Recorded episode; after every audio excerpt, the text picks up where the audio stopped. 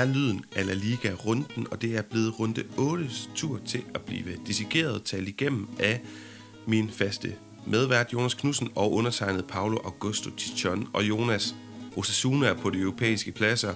Nyoprykket Espanyol, de slog rædderlig Real Madrid i runden, der gik. La Ligas førerhold, det hedder stadig Real Madrid, men nu hedder det også Atletico Madrid, og det hedder også Real Sociedad. Og det kunne også sent i går aftes have heddet Sevilla, hvis ikke de øh, gav Granada første sejr. Så der er mange ting at tage med for runden, der gik. Men hvis vi starter med det her noticias element, hvor vi selv øh, kan man sige, udpeger et, et emne, et eller andet, der er sket i ugen, der gik i spansk fodbold, vi godt kunne tænke os at dykke lidt mere ned i, så er det min tur, og jeg synes klart, at det er en nyhed, der kom sent frem i går aftes, da jeg sad og forberedte øh, dagens udsendelse og, og den forudsigelse, vi skal have frem mod kommende runde, der sad jeg og tænkte, der er Getafe Levante næste runde, Paco Lopez eller Mitchell bliver fyret. En af de to bliver fyret, men så langt kom vi slet ikke, fordi nu er Paco Lopez fyret.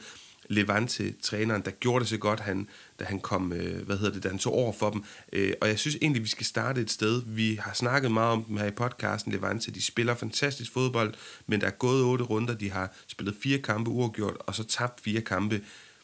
Og selvom at, at det her hold har begejstret os, de har nogle fede spillere, træneren har virket som perfekt match, så kunne jeg lige tænke mig at starte et lidt andet sted, bare lige sådan helt kort fordi øh, jeg vil godt trække på den ekspertise, du har for at have boet i Valencia, hvor at storholdet selvfølgelig er Valencia. Men kan du lige bare sådan kort beskrive, det behøver ikke være særlig langt, hvad er Levante for en størrelse? Hvad er selvforståelsen i den her klub?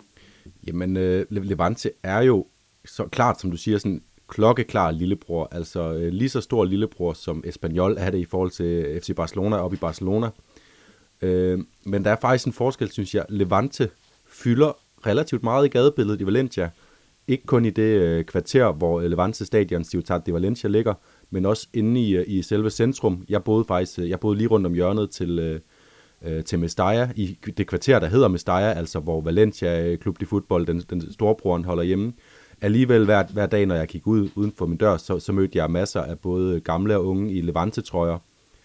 Så selvom det er en lille klub, og man måske skulle tænke, at Valencia løber med al opmærksomheden, så er det faktisk en klub, der, der fylder øh, ret meget i, i Valencia, som jo er en, en by, hvor der på størrelse med, med København, så hvor der selvfølgelig også er plads til, til flere klubber. Naturligvis. Og hvis vi så kigger lidt mere på det, der er sket, han er blevet fyret. Jeg tror, ingen af os øh, tænker, at det er en enorm overraskelse. Vi har sådan lidt nævnt det de seneste par uger i udsendelserne, men vi er selvfølgelig kede af det. Vi kan godt lide Paco Lopez, det er vores hyggeonkel her i programmet, det er vores yndlingsbedstefar af de fire eller ja, 20, vi har, hvis vi skal fortsætte med, med, med den her mærkelige metafor. Men selvom det ikke har fungeret, og der er også nogle, øh, nogle ting, der, der, der giver mening i det her. Jeg synes hverken, at øh, øh, José Campagna er jo ikke kommet ind, og selvom på trods af sin skade sidste sæson, har ikke kunne spille en masse, Enis Bardi og så videre, Roberto Soldado er blevet skadet. Der, der er nogle elementer, der forklarer det her, men det har jo ikke været godt på bagkant af sidste sæson, var det heller ikke godt. Og jeg ved heller ikke, om det begynder at give mening at forklare, hvorfor det, hvorfor det ikke spiller lige nu. Det må du godt, hvis du har en forklaring på det, men jeg kunne mere godt tænke mig sådan, at, at høre din reaktion for, da du så den her fyring. Hvad, hvad tænkte du så? Jamen, jeg, jeg starter med at sige, inden den her rundt, så tænkte jeg, så sad jeg faktisk også, ligesom du gjorde, og tænkte, øh, hvor, hvor lang snor har øh, Paco Lopez egentlig? Og så, tænkte, og så begyndte jeg at tænke på det her øh, øh, gyldne snit, man skal have for at overleve, fordi det er også værd at have med at sige, Levante er jo stadig en klub, der fokuserer hver sæson på at overleve, og øh, sådan strengt taget de sidste par sæsoner i La Liga, så man bare skulle have et point per runde øh, for at overleve. Et point i gennemsnit, og det har de jo ikke lige nu, kan man sige, men de er jo heller ikke langt fra at have det. Øh, så at de har fået den her øh, dårlige start. Jeg tænkte egentlig, at han ville have lidt længere øh, snor, men, men når de så fyrer ham, og jeg bemærker jo øvrigt, når jeg læser øh, Super Deporte, den, den valencianske daglige sportsavis, at, at de siger, at det er en fyring uden kalenton. Altså, der er ikke nogen øh, store kontroverser, der er ikke nogen øh, øh, sådan krisestemning.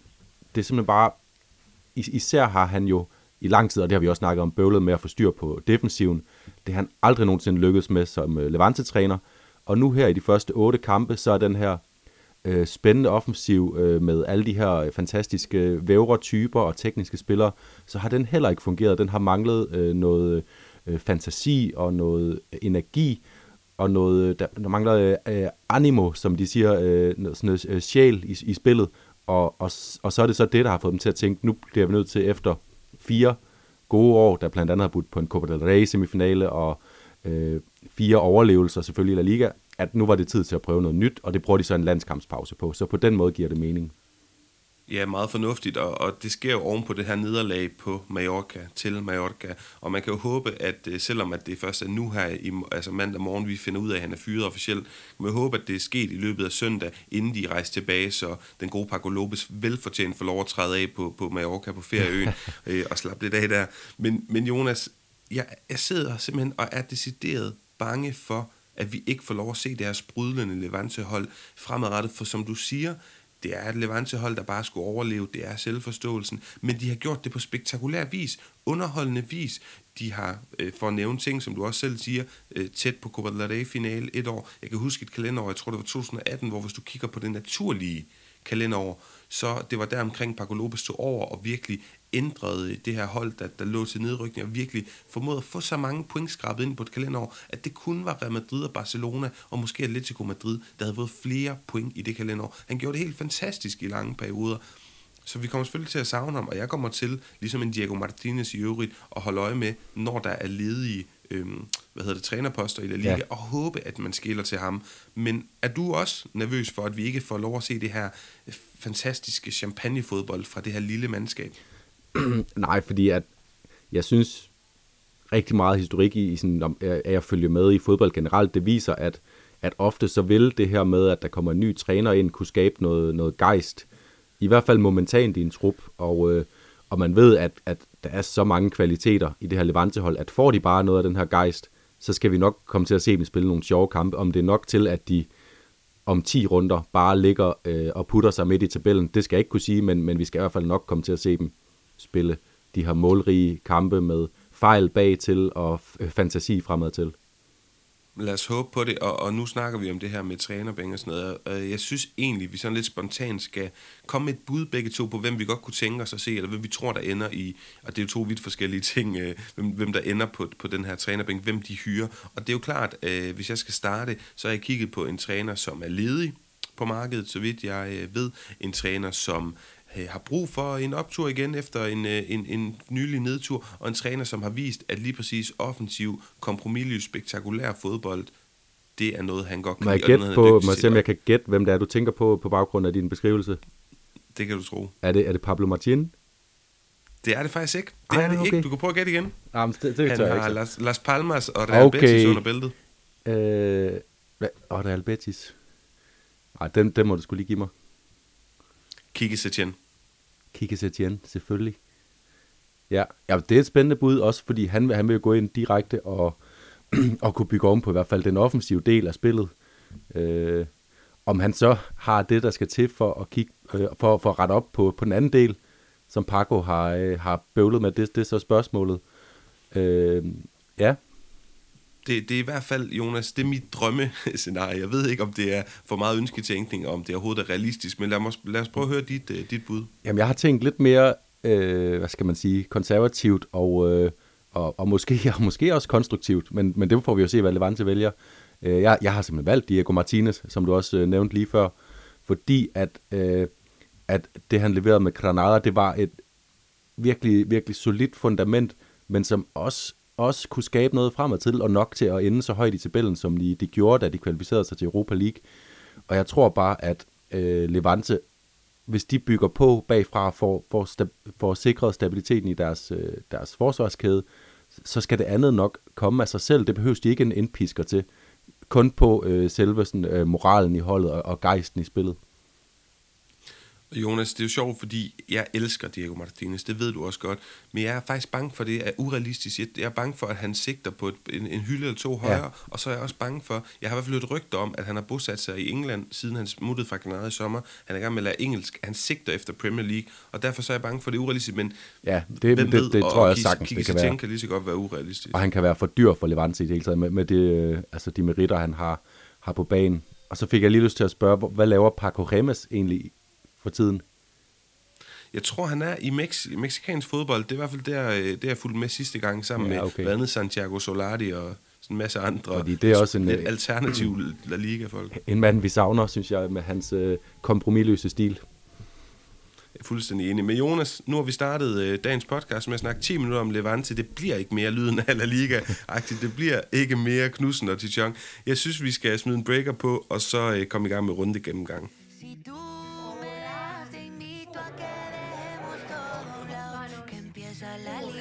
Yo sé que me dices que sí, que sí, que sí, que sí. Jonas Runden startede med et baskisk derby fredag aften, Atleti Klub mod Alaves. Den kamp den blev 1-0, ligesom ekstremt mange kampe i den her runde gjorde det. Det var Raul Garcia, der scorede, men det var Iñaki Williams, der stjal overskrifterne, fordi han spillede mm. svimlende 200 træne kamp, hvis man kan sige det på den måde, i streg i La Liga, uden at misse en eneste på grund af skade. Han er lavet af det omvendte af glas. Jeg ved ikke, om det er krypten, nej, jeg ved ikke, hvad det er, metal, et eller andet. Han er virkelig stabilt bygget. De kan noget specielt i Baskerlandet, og jeg kom lige til at tænke på, ikke fordi, at det ikke skal handle om ham, men Iker Munjain, der også har været meget skadespladet. Jeg synes, han har spillet meget de seneste par år, så jeg kiggede lige. Han har kun misset ni kampe på 3,5 år. Jeg ved ikke, om det er noget i, i de baskiske bjerge, eller vandet, eller luften, men der fungerer noget rigtig godt derinde. Og så lige sådan en hurtig, øh, ja, starte med en lille quiz, som jeg godt kan lide at lægge ind. Jonas, hvor mange mål har Alaves scoret i de otte kampe, de har spillet den her sæson? Åh, ja. Nu kan jeg jo lige rykke til højre på mit skærmbillede her og kigge, men det vælger jeg så ikke at gøre. Jeg siger øh, to mål det er del med virkelig, virkelig flot, og det er også helt rigtigt. Og det, det, er, det er bare for at sige, det går ikke godt for Alaves, det går ikke godt for José Lu. Der er mange ting med Carreja og så videre, der ikke fungerer i, øh, i den her øh, kamp. Men ja, Iñaki Williams, der stjæler overskrifterne. Vi har jo bagt op til det her, og det har alle medier de seneste lange stykke tid, hvor man bare har set den her steam blive bedre og bedre og bedre. Det synes jeg er lidt ærgerligt, fordi det gør, at, at, at vi på en eller anden måde ikke helt forstår, hvor vildt det her er. Kan du ikke prøve at sætte det på ord på, hvor sindssygt det er, at manden han ikke har misset et eneste kamp på karantæne, corona, skade osv. 203 La Liga-kampe i streg. Jamen, altså, det er jo øh, i, i, i sådan en, en verden, hvor, at, øh, hvor der, vi snakker hele tiden om det tunge kampprogram, og spillerne kan ikke følge med, og der er midtugekampe her og midtugekampe der, og Atleti Klub har været øh, med langt fremme i, i pokalturneringen i, i to sæsoner i træk, som vi har set. Så altså, øh, alene det gør, at, at man, han, han burde jo i det mindste lige være sparet på et tidspunkt eller et eller andet, men han er åbenbart bare øh, øh, fyldt med, med energi og god til at øh, hvad skal man sige, restituere efter, efter kampene. Det, det, er, det er spektakulært, og øh, hvor han måske i perioder ikke har, har været så spektakulær til at score mål, så må man bare sige, at det er jo også en præstation i sig selv at spille på så højt niveau, så lang tid, og også jo en gang imellem stikke ud som en, en stor profil i de kampe, øh, i mange af de 203 kampe her, han har spillet. Og, og det med målene er jo noget, vi snakker om, Jonas. Vi kunne godt tænke os at se det fra ham. Vi synes, han er en, en cool angriber, en cool type til det baskiske mandskab. Men som du selv siger, et Atletic Klub har i mange af de her 203 kampe heller ikke været et hold, hvor man forventede, at de scorede 203 gange. Så på den måde er det heller ikke noget, jeg synes, man skal, man skal dømme ham så hårdt på igen. Og som du siger, en ting er kampprogrammet, de her omstændigheder omkring ham, som ikke er formidlende, men omvendt burde provokere, at han har siddet ude øh, ja, mange gange i løbet af de her 203 kampe. Men der er jo også det her element af, at man er hurtig. Altså, man er voldsomt hurtig, og vi kender det med hurtige spillere, de går, hurtigt, de går ofte i stykker. Så det er virkelig, virkelig imponerende med den gode Iñaki, men ellers synes jeg ikke, der er frygtelig meget mere at, at snakke om i, øh, i den her kamp, så jeg vil egentlig hoppe videre til lørdagens første kamp, som var Osasuna Rayo Vallecano. Osasuna vinder 1-0 på et mål af Manu Sanchez i 90 plus 1 minut, altså i overtiden. Rayo Vallecano og Falcao, de havde lidt en drømmestime kørende, den sluttede og så meldte virkeligheden sin ankomst.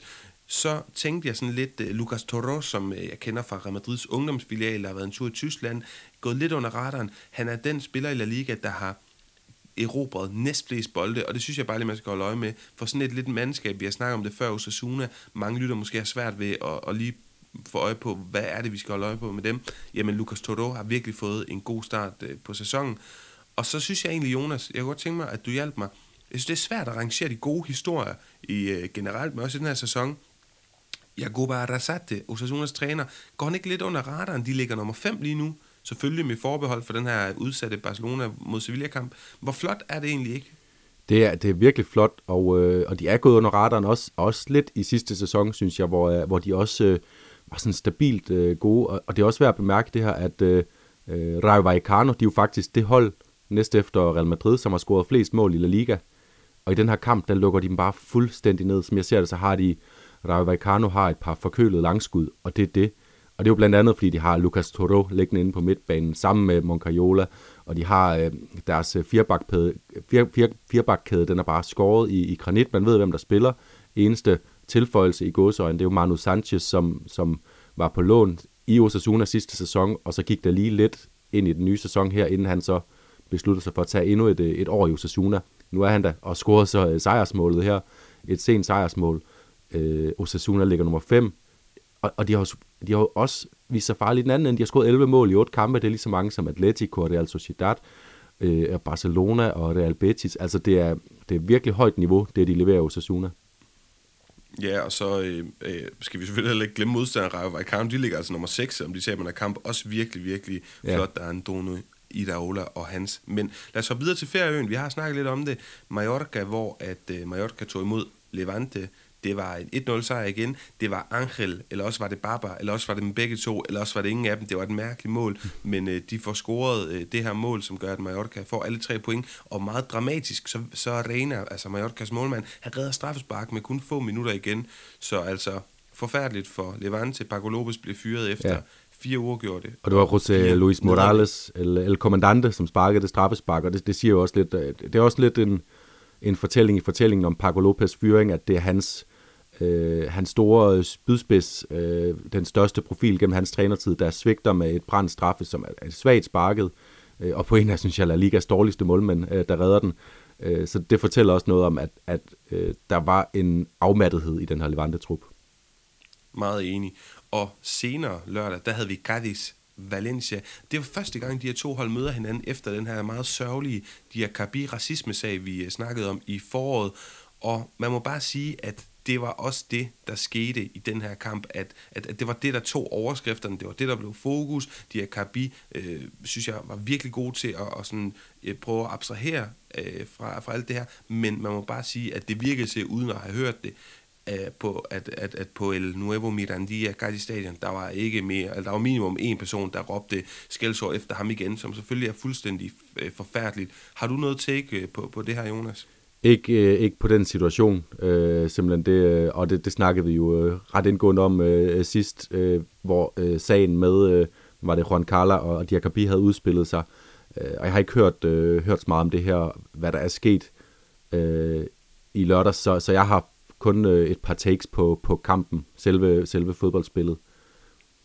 Jamen lad os få øhm. dem, fordi jeg synes også, øh, som vi har snakket om sagen, jeg synes, det er meget, meget forfærdeligt, men jeg har svært ved at se, hvordan vi lige skal gøre os selv eller lytterne klogere på det her. Vi kan selvfølgelig sige, at det er, det, det er typisk og forfærdeligt, at La Liga ikke har reageret mere, at den her sag, den bare er, er, er, er landet i ingenmandsland. Og det er klassisk spansk fodboldbyråkrati, og det er forfærdeligt, fordi racisme er en ting i hele verden, men det er mere en ting i Spanien, end det for eksempel er i Danmark, og også institutionaliseret racisme. Så det er virkelig, virkelig træls. Men vi kan ikke rigtig gøre så meget for vores position for at, at gøre lytterne klogere på det, eller hinanden. Så jeg synes, vi skal holde Nej, fordi, øh, fordi vi ved jo vidt ikke, hvorfor at uh, La Liga og retsinstanser, og hvem der ellers uh, sidder, hvem, hvem der har været inde over det her, hvorfor at de har øh, kuglegravet sagen, som de har. Øh, men jeg lad os så videre til fodbold, og, og det blev 0-0, den her kamp. Øh, og øh, det er umiddelbart rimelig kedeligt, men, men der er sket faktisk øh, en, en, en del højdepunkter. Jeg kan også løfte sløret for, at jeg faktisk har rundens øh, Detajasso gravet frem fra, fra den her kamp. Øh, og så vil jeg bare lige bemærke, at Daniel Vass, han havde to fremragende langskud, der ligesom øh, der knækker. Øh, de kommer med høj fart, og de knækker til sidst. Ledesma får på virkelig, virkelig flot vis reddet begge, to, begge forsøg. Og så efter kampen, så var der altså øh, virkelig noget, noget god stemning for ligesom at og, og også sige, at der kan godt være, være god stemning mellem de her hold. Det er ikke kun racisme og, og bøvl.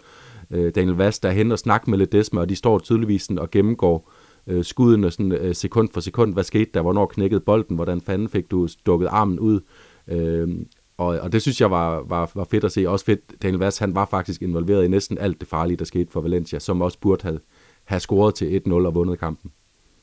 Ja, jeg synes egentlig også, at Jønsson på den anden side var, var rigtig, rigtig god. Men jeg er fuldstændig enig. Jeg bed også mærke der med Daniel Vass, og jeg bed også mærke i, at det, jeg har savnet det lidt i hans Valencia-tid, fordi han var meget garant for sådan et, et, et af, en afslutning eller to af den her kaliber, dengang han spillede i Celta Vigo, især på frispark. Øh, jeg kan huske i spansk presse nogle gange, når han hævde sådan en et bananskud op af, af lommen, også fordi han var en lidt mindre La Liga-profil dengang, så øh, begyndte spansk presse at nævne, hov, ham der, han sparker det som Cristiano Ronaldo. Altså, mm. Altså, det var deroppe, vi var. Så dejligt at se Daniel Vass, han ikke har glemt uh, sigtekornet helt. Og så lad os ellers, Jonas, fokusere mere på den store kamp i runden, især og selvfølgelig også øh, per definition af den grund en stor kamp lørdag. Det var Atletico Madrid-Barcelona. Øh, den blev ikke 0-0, som jeg havde øh, troet. Det gengæld så vandt Atletico Madrid, som du med din forudsigelse rigtigt øh, fik ret i. 2-0 på mål Luis Suarez øh, scorede.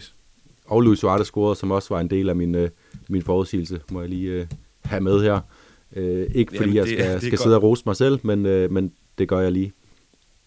Det er helt, det er helt i orden, du. Øh, og jeg kunne egentlig godt tænke mig at starte med det her, vi snakker om på spansk med estado animico, altså hvordan man kommer ind til den her kamp øh, mentalt, og, og, og hvad er det for en stemning, der er i, i de to øh, trupper i de to klubber inden forud for opgøret. Atletico Madrid sent comeback, svine heldige vil nogen mene, mod AC Milan, men de får de tre point, der var så vigtige i uh, midtugen Champions League. To mål af Suarez, så han sådan for alvor stemplet ind. Jeg tror også, det var de første udbanemål i en menneskealder for ham i Champions League, og samtidig Barcelona, der bliver fuldstændig udspillet mm. af Benfica. Altså det er pinligt. Jeg ved ikke, hvad der er mest pinligt. De taber 3-0 til Benfica, eller at vi ikke er mere overrasket, end vi er over det. Men det er en anden snak, Jonas. Det er den her måde, at de to hold kommer meget forskelligt ind i den her kamp. Og så er spørgsmålet, om man på den måde kan få det til at give mere mening, at Atletico Madrid var så meget bedre end Barcelona. Ja, men, og det er jo sjovt, fordi i, i, sidst vi sad og snakkede sammen, der havde, øh, der havde Atletico Madrid lige været igennem en svær periode. De kunne ikke score mål. Barcelona havde lige øh, vundet 3-0 over Levante, spillede deres bedste kamp øh, længe. Og, øh, og vi sad egentlig og tænkte, okay, nu, øh, nu ser det måske meget godt ud for Barcelona. Atletico Madrid har vi overvurderet dem som titelfavoritter lidt. Det må vi så bare sige nu, det har vi altså overhovedet ikke. Øhm, altså, jeg synes egentlig, det starter som en sådan ret lige kamp. Det er meget, øh, øh, det er meget taktisk præget affære, men på den måde, at, at begge hold øh, øh, forsøgte sådan meget velordnet at sætte deres angreb op, som de kunne tænke sig. Øhm, Atletico Madrid øh, skulle, skulle ligesom øh, spille, øh, Øh, de, de skulle selvfølgelig ud og udfordre FC Barcelona, især på det her med at vinde bolden og angribe hurtigt. Fordi at det, det er noget af det, vi har set, at FC Barcelonas øh, restforsvar, det har været helt til hundene. Altså Sergio Busquets, han er jo en langsom spiller, og, og det er lidt sjovt, at det bliver et issue for Barcelona øh, lige for tiden, fordi det har han altid været. Det var han også dengang, at han var, en, øh, at han var mesteren i restforsvar i hele Europa, hvor Barcelona lå og havde bolden 70-90% af tiden i kampene, og alligevel ikke øh, særlig ofte blev ramt af kontraangreb, fordi Busquets lå der, og fordi øh, Jordi Alba kunne løbe tingene op. Øh, så, så det synes jeg egentlig er lidt mystisk, at det bliver et, øh, et problem nu. Enig, Jonas. Øh, et, en anden ting, jeg godt tænker mig at spørge dig ind til den her kamp, det er, øh, vi kommer også ind til en kamp, hvor Koman burde være desperat og presset, men Laporta i sidste time, 11. time, går ud og siger, ham der, Jamen, han er en legende i Barcelona. Øh, bakker ham op. Vi bakker ham 100% op, hvilket virkede mærkeligt, og også kunne være en snak til en anden dag. Ja. Men det, jeg godt vil sige med det, det er, at når man så ser startopstilling, så bærer den jo heller ikke præg på nogen måde af at være desperat. Jeg undrer mig over, at ikke, altså, hvor er Coutinho og Ansu Fati? Hvorfor, hvorfor spiller man ikke flere af de her spillere? Nej, men det var igen Nico, det var Gavi. Det undrer mig lidt, og han går så også ud og kritiserer de her unge spillere. Øh, for, for manglende opdækning på midtbanen i forbindelse med 1-0-målet. Det er sådan en anden ting. Men, men pointen er, jeg troede egentlig, Koman var mere desperat, end han som sådan var, men det virkede som om, han tænkte mere i fremtidsudsigter her. Ja, Coutinho startede faktisk ind, øh, til fordel for De Jong øh, øh ved siden af, oh, det var sådan, det var, ja, lige præcis sammen med, med Depay og, og Gavi i sådan en lidt øh, skæv 4-3-3, hvor, hvor både Coutinho og Gavi var meget nede omkring midtbanen, og nogle gange øh, lignede mere end 4-4-2 øh, for ligesom at imødekomme øh, trykket fra, fra Atletico. Øhm, men man må også bare sige, at det, det var, der var sådan simpelthen øh, noget klokkeklart noget, noget selvtillid og, og øh, handlingsmodenhed øh, til forskel. Altså FC Barcelona, de, de kunne spille den udmærket rundt i deres, øh, deres sådan, vanlige kombinationsspil. De fik også spillet sig frem til Atletico Madrids felt, men så manglede der simpelthen noget pågåenhed. Der var ingen, der troede på, at de havde øh, den gyldne nøgle til at låse det her øh, Atletico Madrid-forsvar op. Og modsat den anden vej, lige så snart Atletico fik bolden, så øh, brugte de to, tre, fire afleveringer, og så havde de spillet FC Barcelona fuldstændig tynde, og det er også det, der sker ved begge målene. Det ene, hvor øh, Suarez laver en fantastisk aflevering til Lemar, og så Suarez, der, der tilsvarende modtager fantastisk øh, assist den anden vej øh, og gør det til 2-0. Ja, og Jonas, nu du siger det også lige, jeg vil også lige nævne, at Piquet er ude efter kampen. Øh, han er altid garant for en, hvad skal vi sige det, en lidt alternativ udmelding, eller en kontroversiel udmelding, og det han jo siger efter kampen, det er, at vi kunne have spillet tre timer videre, vi har aldrig scoret et mål. Ja. Jeg ved ikke, om jeg er helt enig med ham. Coutinho har to store muligheder, han skal i hvert fald score på den ene af dem, men jeg forstår også godt hans pointe, og det snakker lidt om den her desperation, som hvis ikke Koeman har den, ja, så jeg vil sige lige hurtigt, netop den der, de der Coutinho-afslutninger, de viser, hvorfor Barcelona kunne spille tre timer uden at score, fordi han får nemlig chancerne med, øh, med det her øh, øh, højre, højre ben, hvis jeg ikke tager fejl, som, som var det mest frygtede i, i Premier League i en årrække. Og så er det, det, det, det er sådan nogle øh, triller, øh, som Oblak han kan, kan samle op med en handske, mens han står og, og binder snørbånd undervejs. Øh, altså det, og det viser bare også noget om, at, at der er simpelthen ikke selvtillid og saft og kraft i det her Barcelona-udtryk lige nu. Men Jonas, hvis vi skal snakke om dem, som gav os den her kamp, hvis vi skal være frække og sige det på en måde, Atletico Madrid, jeg synes, Joao Felix var fantastisk for en gang skyld. Det var vigtigt for ham, for Atletico Madrid, for La Liga osv. osv. Suarez var god.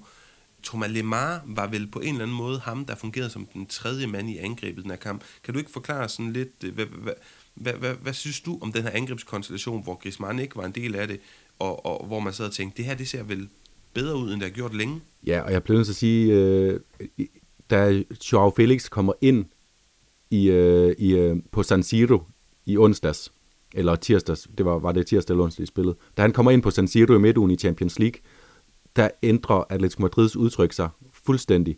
Altså jeg synes, øh, du snakker om, det var svineheldigt, de fik en sejr med på San Siro. Det var det også kvæg i måden, det skete på til sidst. Men hele anden halvleg, der var Atletico simpelthen virkelig gode og, og spillede AC Milan ja vel en mand i undertal, men det betyder ikke nødvendigvis, at man skaber chancer og, og, øh, til at vinde kampe.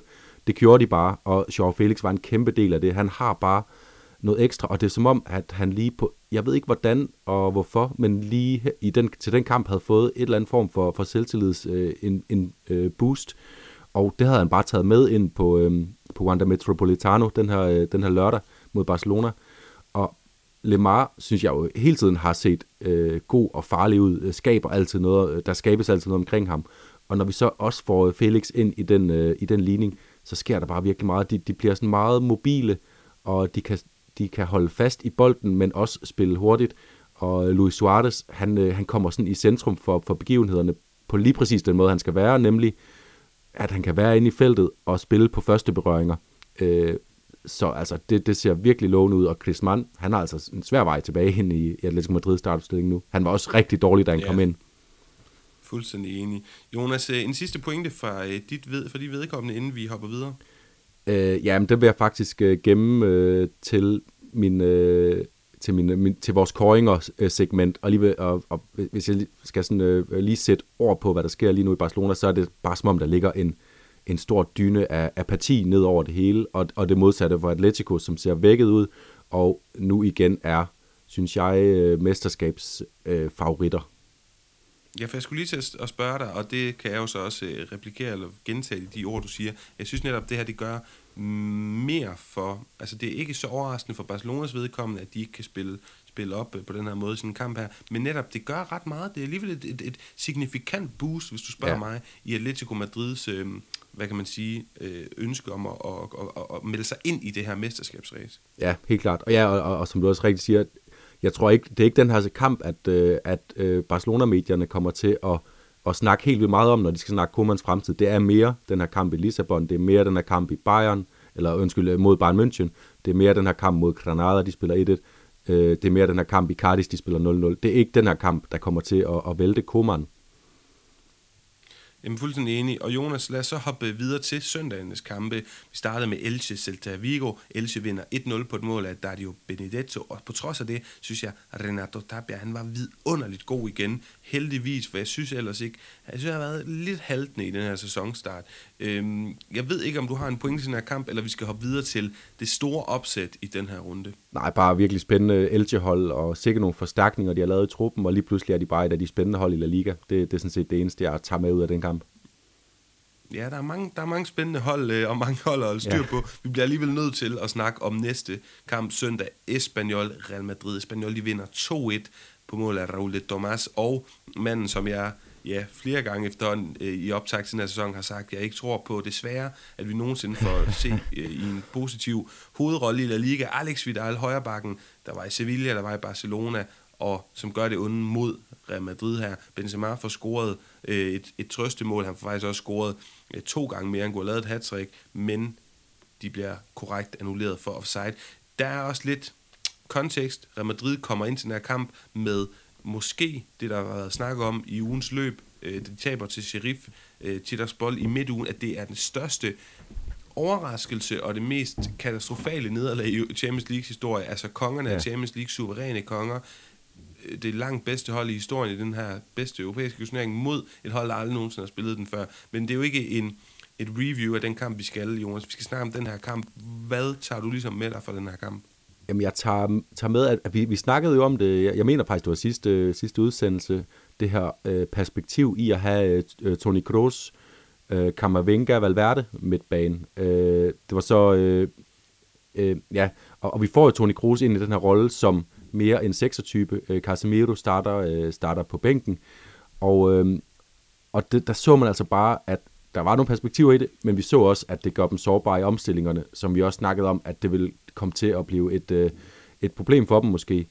Øh, og, det, og det sker fordi, at spillere som øh, Oscar Melendo, øh, Sergio Darder, øh, Adria Mbaba, øh, Espanyol-spillere, det er nogle virkelig øh, dygtige tekniske spillere, hurtige på fødderne, sindssygt kloge, der, har, øh, der, der fik Real Madrids midtbane faktisk store vanskeligheder med øh, at dæmme op for dem og få pillet bolden fra dem i tide, inden at de kom ind og, og blev farlige. Øh, så det synes jeg sådan var, var hovedtemaet i, i kampen, i hvert fald i den del af kampen, hvor Real Madrid taber kampen. Jamen, jeg er fuldstændig enig. Øhm, lige et par, et par nedslag fra mig. Real Madrid kommer bagud for tredje gang i sæsonen i den her kamp. Og så faktisk øh, de to år foregående mod Celta Vigo og Valencia, der havde man fuldført comebacket og, og, og vendt nederlag til sejr. Så det sad jeg på en eller anden måde også med følelsen i den her kamp. Men ja, det er som om, at der er nogle, nogle forklaringer på det her, øh, hvis man skal komme den gode Ancelotti, i hvert fald delvis øh, i møde. For det første, han mangler sin foretrukne baks. Vi har snakket om det, det ser ikke godt ud. Den her kamp var det David Alaba på bakken. Jeg synes netop, han var begyndt at få noget godt kørende med, øh, med Militao. Jeg ved godt, de også har, har været skyld i nogle mål, men det er det partnerskab, man skal satse på i Real Madrid nu, og derfor, hvorfor lægger ham ud på venstre bakken? Jeg synes virkelig ikke, han var god, han ser kluntet ud. Øh, desuden så synes jeg at Ancelotti kender sin foretrukne midtbanekonstellation. Vi snakkede om det her. Vi vil gerne se unge og friske, fysisk, dynamiske Valverde og Camavinga på siden af, af Toni Kroos. Det fik vi, men vi fik også Modric ja. og, og. Altså, det er som om, også ikke har styr på. Altså, Camavinga er 6'er eller 8'er. Han er, han er ikke en 10'er, han er heller ikke en kandspiller, men det spillede han sådan lidt i mm. den her kamp. Samtidig med, jeg synes ikke, vi har set Valverde være god de seneste par kampe. Ham formår øh, Ancelotti heller ikke rigtigt at, at udnytte taktisk og sætte ham godt op. Nej, øh, og, og, og det blev sådan lidt, øh, lidt, lidt mærkeligt, øh, øh, som om de ikke rigtig vidste, hvad var der egentlig deres angrebsstrategi. Vi så Modric øh, få den her øh, lidt mere frie rolle til at drive bolden frem, og det er han jo god til, og det vil, har vi også snakket om, at vi gerne vil se ham gøre mere, øh, men, øh, men det var Espanyol også bare virkelig god til at lukke ned for, øh, måske også fordi, at Vinicius i den her kamp øh, falder ud, øh, og, og det bliver lidt den her øh, tilbage til den historie, vi har kendt fra de seneste år, om at alt skal komme igennem Benzema. Alle de chancer, Real Madrid har, alle de optræk til chancer, de har, de kommer gennem Benzema. Det er også ham, der er øh, total anfører øh, øh, deres forsøg på at komme tilbage. Han laver også en genial assist til, øh, til Eden Hazard, der så også på altså fuldstændig fantastisk sparker den ind. Desværre er Benzema en lille my offside, som du, som du sagde, Øh, det, det kunne virkelig have ændret narrativet i den her kamp, fordi at det også havde været en Hazard, der, der leverede noget af det her magi, øh, som, som Real Madrid-fansen stadig håber fra ham. Øh, men det er bare, det er for meget Benzema igen i den her kamp, og det skal Ancelotti hurtigt øh, væk fra igen, fordi at vi har jo set Real Madrid, de, de har scoret suverænt flest mål i den her La Liga-sæson ind, sæson indtil nu, så de skal finde tilbage øh, til Vinicius øh, øh, og Benzema, som, som begge to kan være, være drivkræfter. Rodrigo, der kommer ind, synes jeg heller ikke ser, han ser bare ikke særlig spændende ud lige for tiden.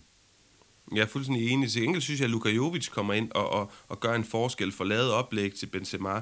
Det er også en situation, hvor han er lidt uheldig offside og får lagt, Øh, han kunne have haft to oplæg til Benzema.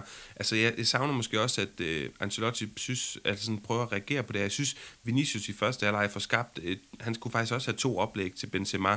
Så jeg synes egentlig, der er, måske er der lidt snak om en accidente, som man også kaldte det, Ancelotti kaldte det i midtugen mod Sheriff Titaspol. Man er bedre, men, men, men jeg ved også på XG var Real Madrid bedre end Espanyol i den her kamp. Man får spillet sig frem til chancerne, men er simpelthen ikke resolute nok og, og får konverteret de her chancer til mål. Så ja, altså for mig at se, for at opsummere det her problem, han skal have fundet sine to backs. Det skal ikke være Alaba og Lucas Vazquez eller Nacho. Han skal have fundet sin midtbanekonstellation. Det er som om, der er for mange gode ombud, og han tør ikke at sende Denziar. Han, han, tør, han tør ikke at, at, at, sige, at henvise en eller to af de her spillere til bænken, fordi han godt kan se, at de alle sammen kan øh, ja. midtbanespillerne bruges til noget. Og så offensivt, ja, Rodrigo byder ikke ind med noget. Azar er, er på bænken, fordi Vinicius så, det er som om, at der, der, han, han kommer frem til mere, men Vinicius er heller ikke sådan det færdige, færdige produkt, og Luka Jovic, han får ikke en startplads, selvom at, øh, jeg synes egentlig, at, at det kunne være interessante perspektiver i det. Ja, øh, og, og jeg var lige tilføjet til det der midtbaneproblem. Øh, det, nu, øh, nu bliver det en kritik af Carlo Ancelotti. Jeg kan pæle mig godt forstå, at han har svært ved at vælge sin midtbanekonstellation, fordi det er jo også, han ender med at smide Casemiro på bænken, som har været så essentiel for Real Madrid så mange år, og så har han bare de her øh, fire spillere til, til, til, til to og en halv plads. Øh, det, det, det er virkelig svært, fordi måske er de cirka lige gode. De byder ind med lidt forskellige ting, så han skal måske kunne en løsning også være om, om mere tilpasse efter, hvad for en kamp er det, vi vil spille øh, i dag. Er det en øh, kontrollerende kamp med, med bolden, hvor vi skal hvor vi så har tre angriber fremme, og så øh, har Modric og, og Kroos øh, bare den rolle at skulle holde fast i bolden og servere bolden til Vinicius og Benzema, eller er det øh, mere sådan en kamp, hvor man skal, hvor man skal, hvor man skal angribe øh, på erobringerne, hvor Valverde og Kammervenger helt klart er bedre. Så, så det, det er måske også en løsning, han kan, han kan finde frem til i løbet af sæsonen, Ancelotti.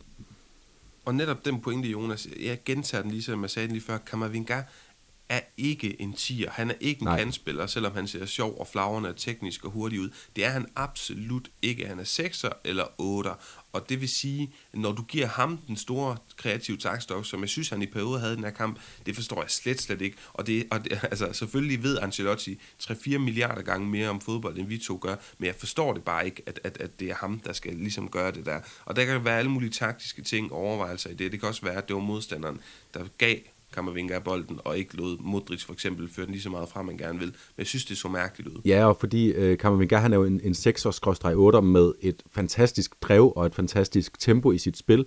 Så i virkeligheden lidt ligesom vi så med Pogba, øh, da han kom til Manchester United, der blev hans kreativitet stækket af, at han blev smidt for langt frem på banen. Det er virkelig først, når han kommer lidt længere tilbage, at øh, hans kreativitet blomstrer. Så det er sådan lidt en lose-lose situation, både for Ancelotti og Kammervinger, hvis, øh, hvis han bliver rykket frem. Det er i hvert fald sådan, analysen godt kunne se ud lige nu. Det er selvfølgelig også tidligt i Kammervingars karriere, så, så meget kan nå at ændre sig. Og så vil jeg også gerne bare lige nå at, at afslutte med Espanyols to mål. Det er altså nogle, nogle fremragende mål, så det hører også med til historien om, hvorfor, hvorfor Real Madrid taber den her kamp. Espanyol, jeg har snakket om, det er måske den stærkeste oprykker i La Liga i mange år. De har allerede vist sig gode, og her får de så også hul på bylden. Øh, Vidals mål, der er altså virkelig tale om, om, om øh, søvn gængeragtigt forsvarsspil fra Real Madrid, men, men stadigvæk øh, flot drevet igennem af, af, af Vidal. Jonas, det minder mig om Messis mål mod, øh, mod netop Real Madrid. Jeg tror, det er 2011 i, i en semifinale opgør. De vinder 2-0 ja, Real Madrid-Barcelona. Nå, men det er, hvad det er. Lad os så videre i, uh, i kampprogrammet, som du siger, Rosa og Espanyol, skal vi huske. Vi skal huske at, at rose Vicente Moreno. Jeg mener også, han gjorde det med Mallorca i sin tid, ja. hvor var det Otte de Sola, der fik et rødt kort, så, så han, har, han kender den her opskrift.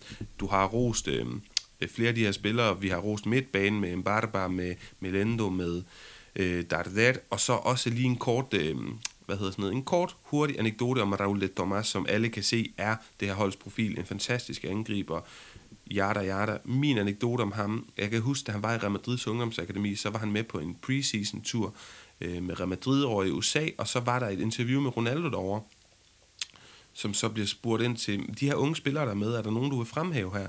Og så, så kigger han over på Raul de Tomas og siger han, ham der, Mini Cristiano. Mini Cristiano. så det, det er, og det er måske både spillestil, og det her med altid at være meget opportunistisk og skyde, og, men også det her med, en stjerne, og, og nok også noget mentalitet over det. Og der er også noget attitude i øvrigt, altså der, der er med med rank ryg på, på drengen, når han, når han jubler øh, over sin mål, øh, og også når han går ind i, i, en, i enhver situation, så er det bare med den der tro, jeg er en, jeg er en maskine, nu kommer jeg og, og æder dig fuldstændig enig. Så hvis ikke vi har Cristiano i La Liga, så har vi mini Cristiano. Nå, videre. Villarreal, Real Betis, den blev 2-0. Det var to mål af fantastiske Danjuma. Nu hvor vi er ved sammenligningerne, jeg synes, jeg snakker også lidt om det med Sid Lowe på, på Twitter, jeg synes, han minder mig meget om Mbappé i hans måde at arrancar, hans måde at accelerere hans antrit, øh, men, men lidt mere om ham øh, måske senere. Det var et afbudsramt ubåd, som altså leveret rigtig flot her. Det har de faktisk gjort overraskende mange gange øh, i spillet i den her sæson, men ikke med resultaterne. Så tiltrængt for dem med en sejr i midtugen var det det samme. De udspillede Manchester United, men tabte, og det er jo lidt synd, men også på en eller anden måde, ja, man skal også score mål for at vinde øh, kampe via det. Betis, de vandt over Fedding Vardos i midtugen, men de kunne altså ikke fortsætte øh, den flotte stime ved at tabe her. Har du en, øh, en kort pointe til den her kamp, Jonas? Ja, det var godt sådan en, øh, jeg, jeg, jeg er glad for, at det blev en, en underholdende kamp, og vi er det alle, de gik ind og, og prøvede at, at vinde den, fordi at de har jo netop spillet et væld af uafgjorte kampe, og måske fik de lidt en dukkert på Old Trafford, som kunne tage lidt af den selvtillid, de ellers havde fortjent at få med ud af den kamp fra dem. Øh, snart, jeg roste Betis øh, i sidste runde til, øh, som et af de, de mest spændende hold at følge i La Liga lige nu. Jeg synes stadigvæk, det var et godt indtryk, Betis efterlod. De fik ikke scoret på deres chance, de fik heller ikke skabt helt nok, men jo også mod Villarreal, som er øh, et af de bedste hold til at lukke af i, øh, i La Liga. Øh, så, så alt i alt sådan øh, rigtig positiv kamp for, for La Ligas øh, for La Ligas udtryk, synes jeg, og, og fedt at se ham her, Dan Tuma, der kommer ud af, ud af ingenting, og bare en, øh, en kæmpe profil allerede. Han ser fantastisk spændende ud. Jeg er helt, helt tosset med ham. Og jeg spurgte også vores gode Villarreal ven, om, om, om han troede, at øh, der var en mulighed for, at, at Danjuma vil gifte sig med mig, fordi uh, hold op, hvor han dejlig. Uh, og, og, men lidt skræmmende, at han kommer ikke fra Premier League, men fra, fra Championship. Det siger måske noget om, om niveauforskellene lige nu. Ja. Og Jonas, apropos det, en lille teaser. I løbet af de næste par dage, der optager vi to en snak, uh, en podcast, som er sådan lidt mere en special episode, hvor vi kigger ind på den her... Uh, uh, hvad kan man sige, øh, snak om, hvorvidt La Liga bare sakker mere og mere bagud, og det gør vi med udgangspunkt i, at vi tager afsæt i en liste, vi hver især har lavet, med de 10 største profiler i La Liga, lige nu og her, samt de 10 kommende profiler, altså 10 folk, der er maks. 24 år gamle, de kan også være yngre end det, som vi tror, der er mig, bliver de kommende profiler i La Liga. Så hiver vi de to lister sammen, for lavet en samlet liste på alt i alt 20 mand, altså 10 unge og 10 etableret, og så snakker vi også lidt løst og fast om ja, La Ligas position lige nu. Men det var bare lige en teaser. Lad os komme tilbage til rundegennemgangen. Det var Villarreal Betis, vi snakkede om der. Getafe La Real er næst sidste kamp i runden. Den blev 1-1. Det var mål af Sandro og hvem ellers, når det er La Real. Og ja. Sabal, der bare bliver ved med at score mål. Mitchell var så tæt på sin første sejr. Det var han også øh, for et par runder siden. Men nu bare første point, og det er jo selvfølgelig fint for Retaf at få et point. Jeg ved ikke, hvor længe han overlever endnu. Nej, og, og jeg, men jeg synes det er værd at bemærke, nu, nu snakker vi om sådan niveauet i La Liga, og skal også gøre det i den ekstra udsendelse, som du lige har, har teaset for. Øhm, jeg synes det er værd at bemærke, at Alaves havde 0 øh, sejre og vinder over Atletico som deres første sejr. Getafe havde 0 sejre, var øh, med 10 minutter fra at vinde over Atletico Madrid, og var nu øh, tæt på at vinde deres første sejr i sæsonen. Over det altså Ciudad, de får så deres øh, første øh, point i det mindste. Øhm, så jeg synes, at, at øh, om ikke andet, så er La Liga mere tæt, og alle kampe er mere spændende, end vi har set i mange år. Øh, og, og det gør jo også bare, at alle, alle kampe er potentielt sjove at se, som vi også så øh, Espanyol oprykker og vinder over Real Madrid.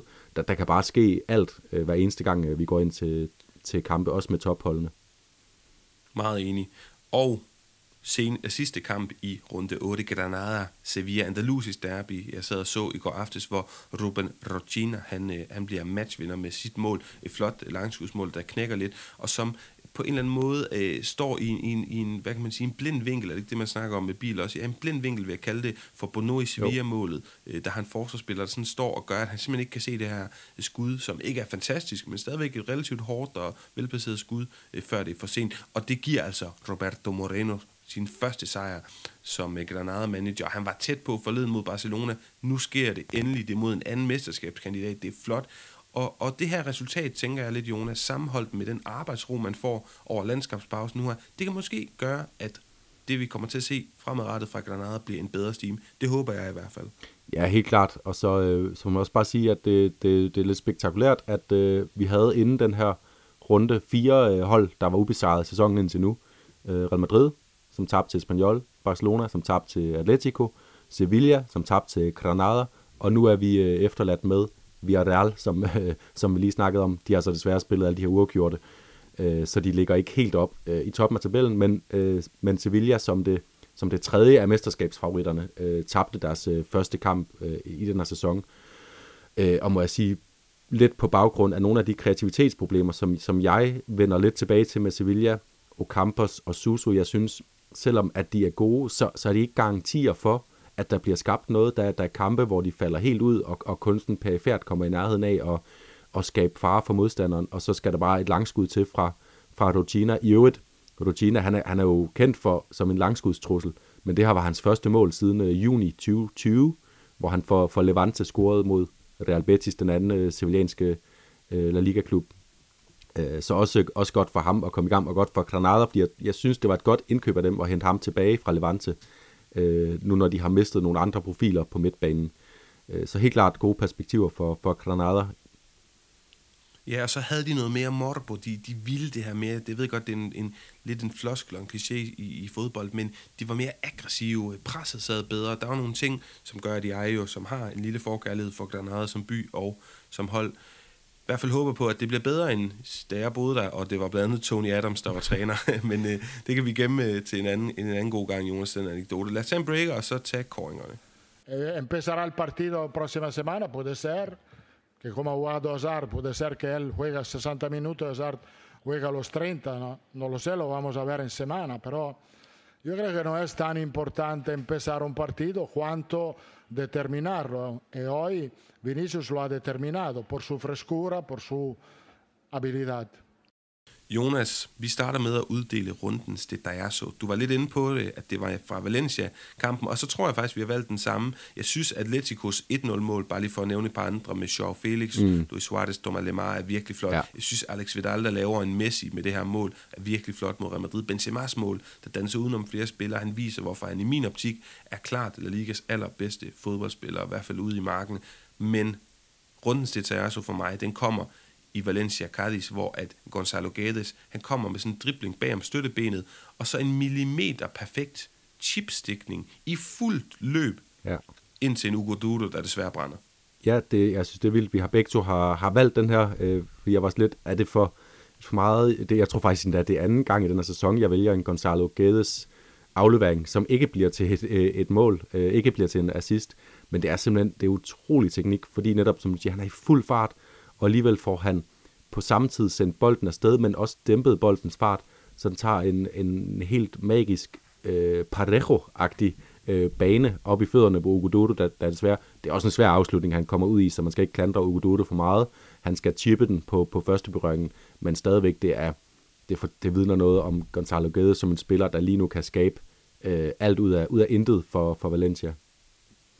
Ja, og, og jeg kan godt lide, at vi fremhæver den, fordi det er så svært teknisk at gøre, exceptionelt svært, men også, det siger jo også noget om, vi rigtig godt kunne tænke os Gonzalo Guedes op på det ja. her øh, niveau af fulde omdrejninger. Men Jonas, El Juron de la Jornada, øh, jeg synes, det er svært at vælge mellem Joao Felix, Thomas Lemar, Luis Suarez i, i Atletico Madrids flotte øh, sejr over Barcelona. Jeg synes også, både Sergi Darder og Adrián Barba var fantastiske mod for Espanyol mod Real Madrid, men øh, derfor så tror jeg måske hellere til Arnaud Danjuma, fordi han var bare fantastisk alene for Villarreal. Har du andre bud? Jamen, jeg havde, også, jeg havde Joao Felix, Lemar og Suarez stående på min, øh, min, min blog, øh, indtil at øh, Danjuma kom og løste det hovedbrud for mig, øh, fordi jeg synes, og han, altså, han var jo millimeter fra også at score sit hattrick, og og ud over de to mål, han scorer, så er der adskillige andre situationer, hvor han er farlig, skaber øh, chancer for sine holdkammerater, og han, han sætter, øh, han sætter Betis forsvar af fra, sådan, øh, fra, fra stående,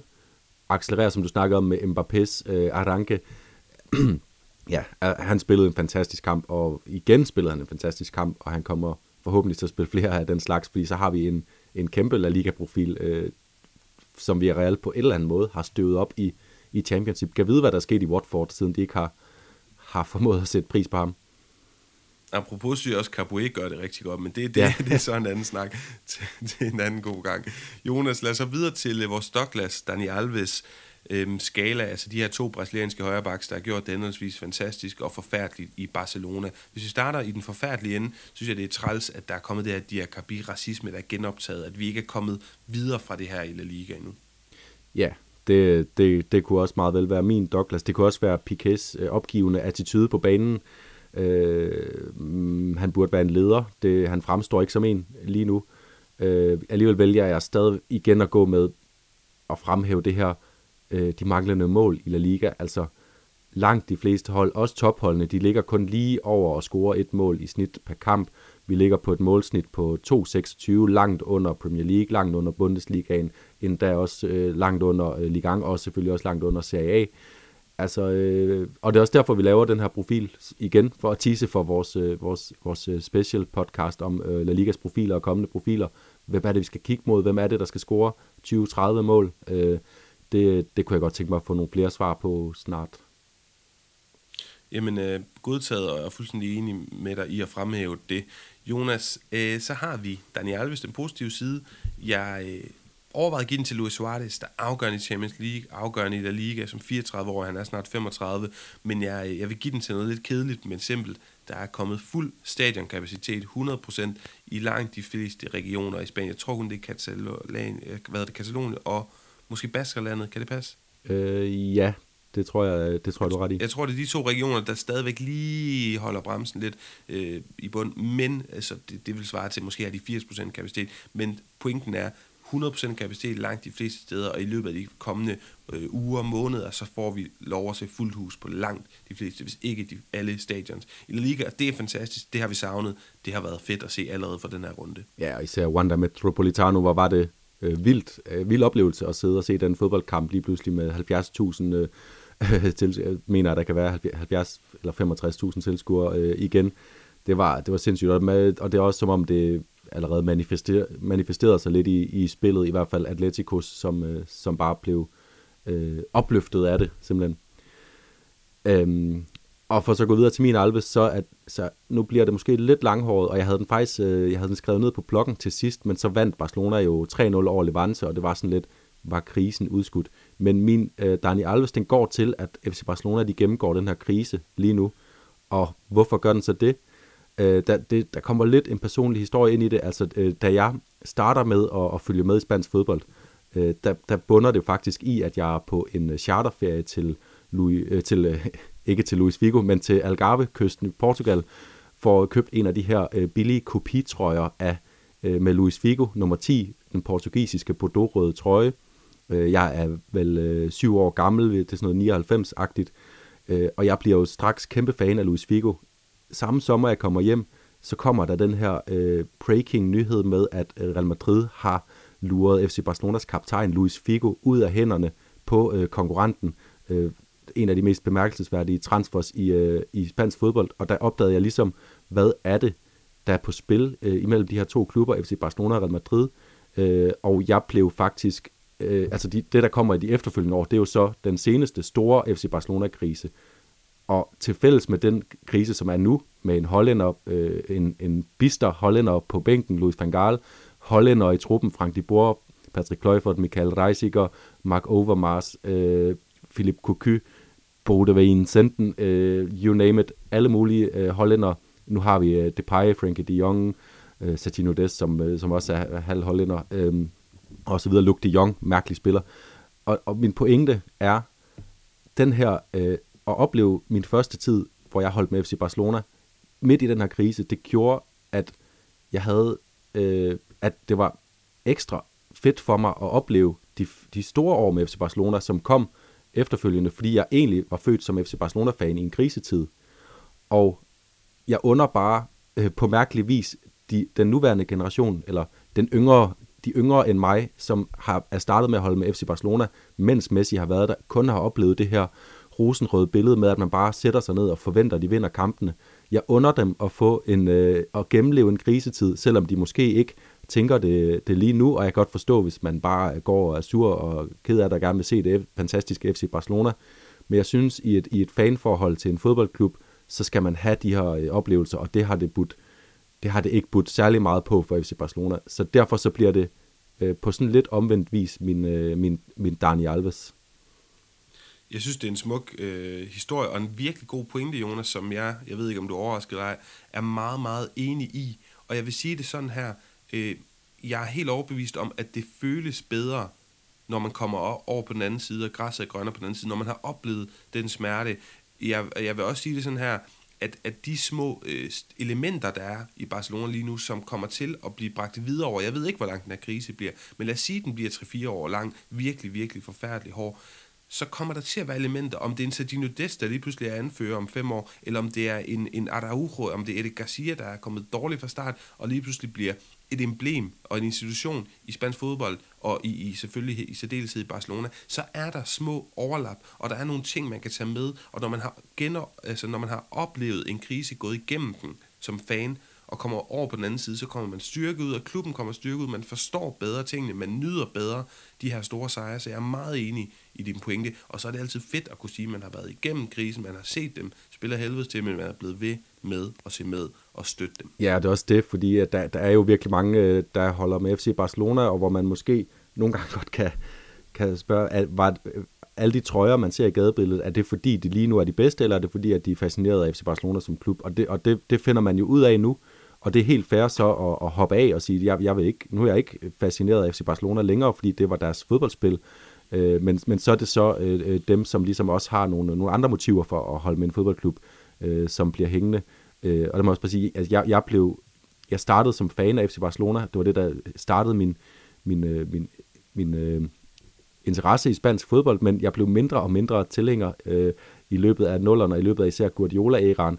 Jeg elskede at se FC Barcelona, og det er stadigvæk øh, synes jeg, det mest magiske øh, fodboldspil, jeg har set nogensinde øh, i den æra, men øh, det var sværere og sværere for mig sådan at, at juble over, over sejrene, fordi det bare var så øh, automatiseret også i årene efter, hvor de så lige pludselig vinder The Triple med Luis Suarez og Neymar og Messi. Altså det blev så automatiseret stjernehimmel, øh, og det samme forestiller mig, når man er Real Madrid-fan og har bare set det ene Champions League-trofæ øh, efter det andet, og Cristiano Ronaldo-æraen, at så har man, man har behov for lige at lige at der, at der bliver lidt grus i maskineriet en gang imellem. Det, det er i hvert fald noget, jeg yeah. nyder og komme ned og lande igennem. Jonas, øh, fantastisk. Godt at få den med. Tiden, øh, jeg vil ikke sige, den løber fra os, men øh, jeg havde ikke tænkt, at vi skulle snakke i en hel time i dag, men vi har fået lov at komme vidt omkring med Levante og med, med Barcelona og med mange andre ting, og det er jeg sådan set glad for. Vi er vores øh, egen chefer i den her øh, podcast, ja. og det er jo fantastisk. Så vi har givet tid til om det her. Lad os øh, slutte af med en forudsigelse frem mod kommende runde, hvor der hersker lidt tvivl om, hvorvidt øh, nogle visse kampe bliver spillet eller ej.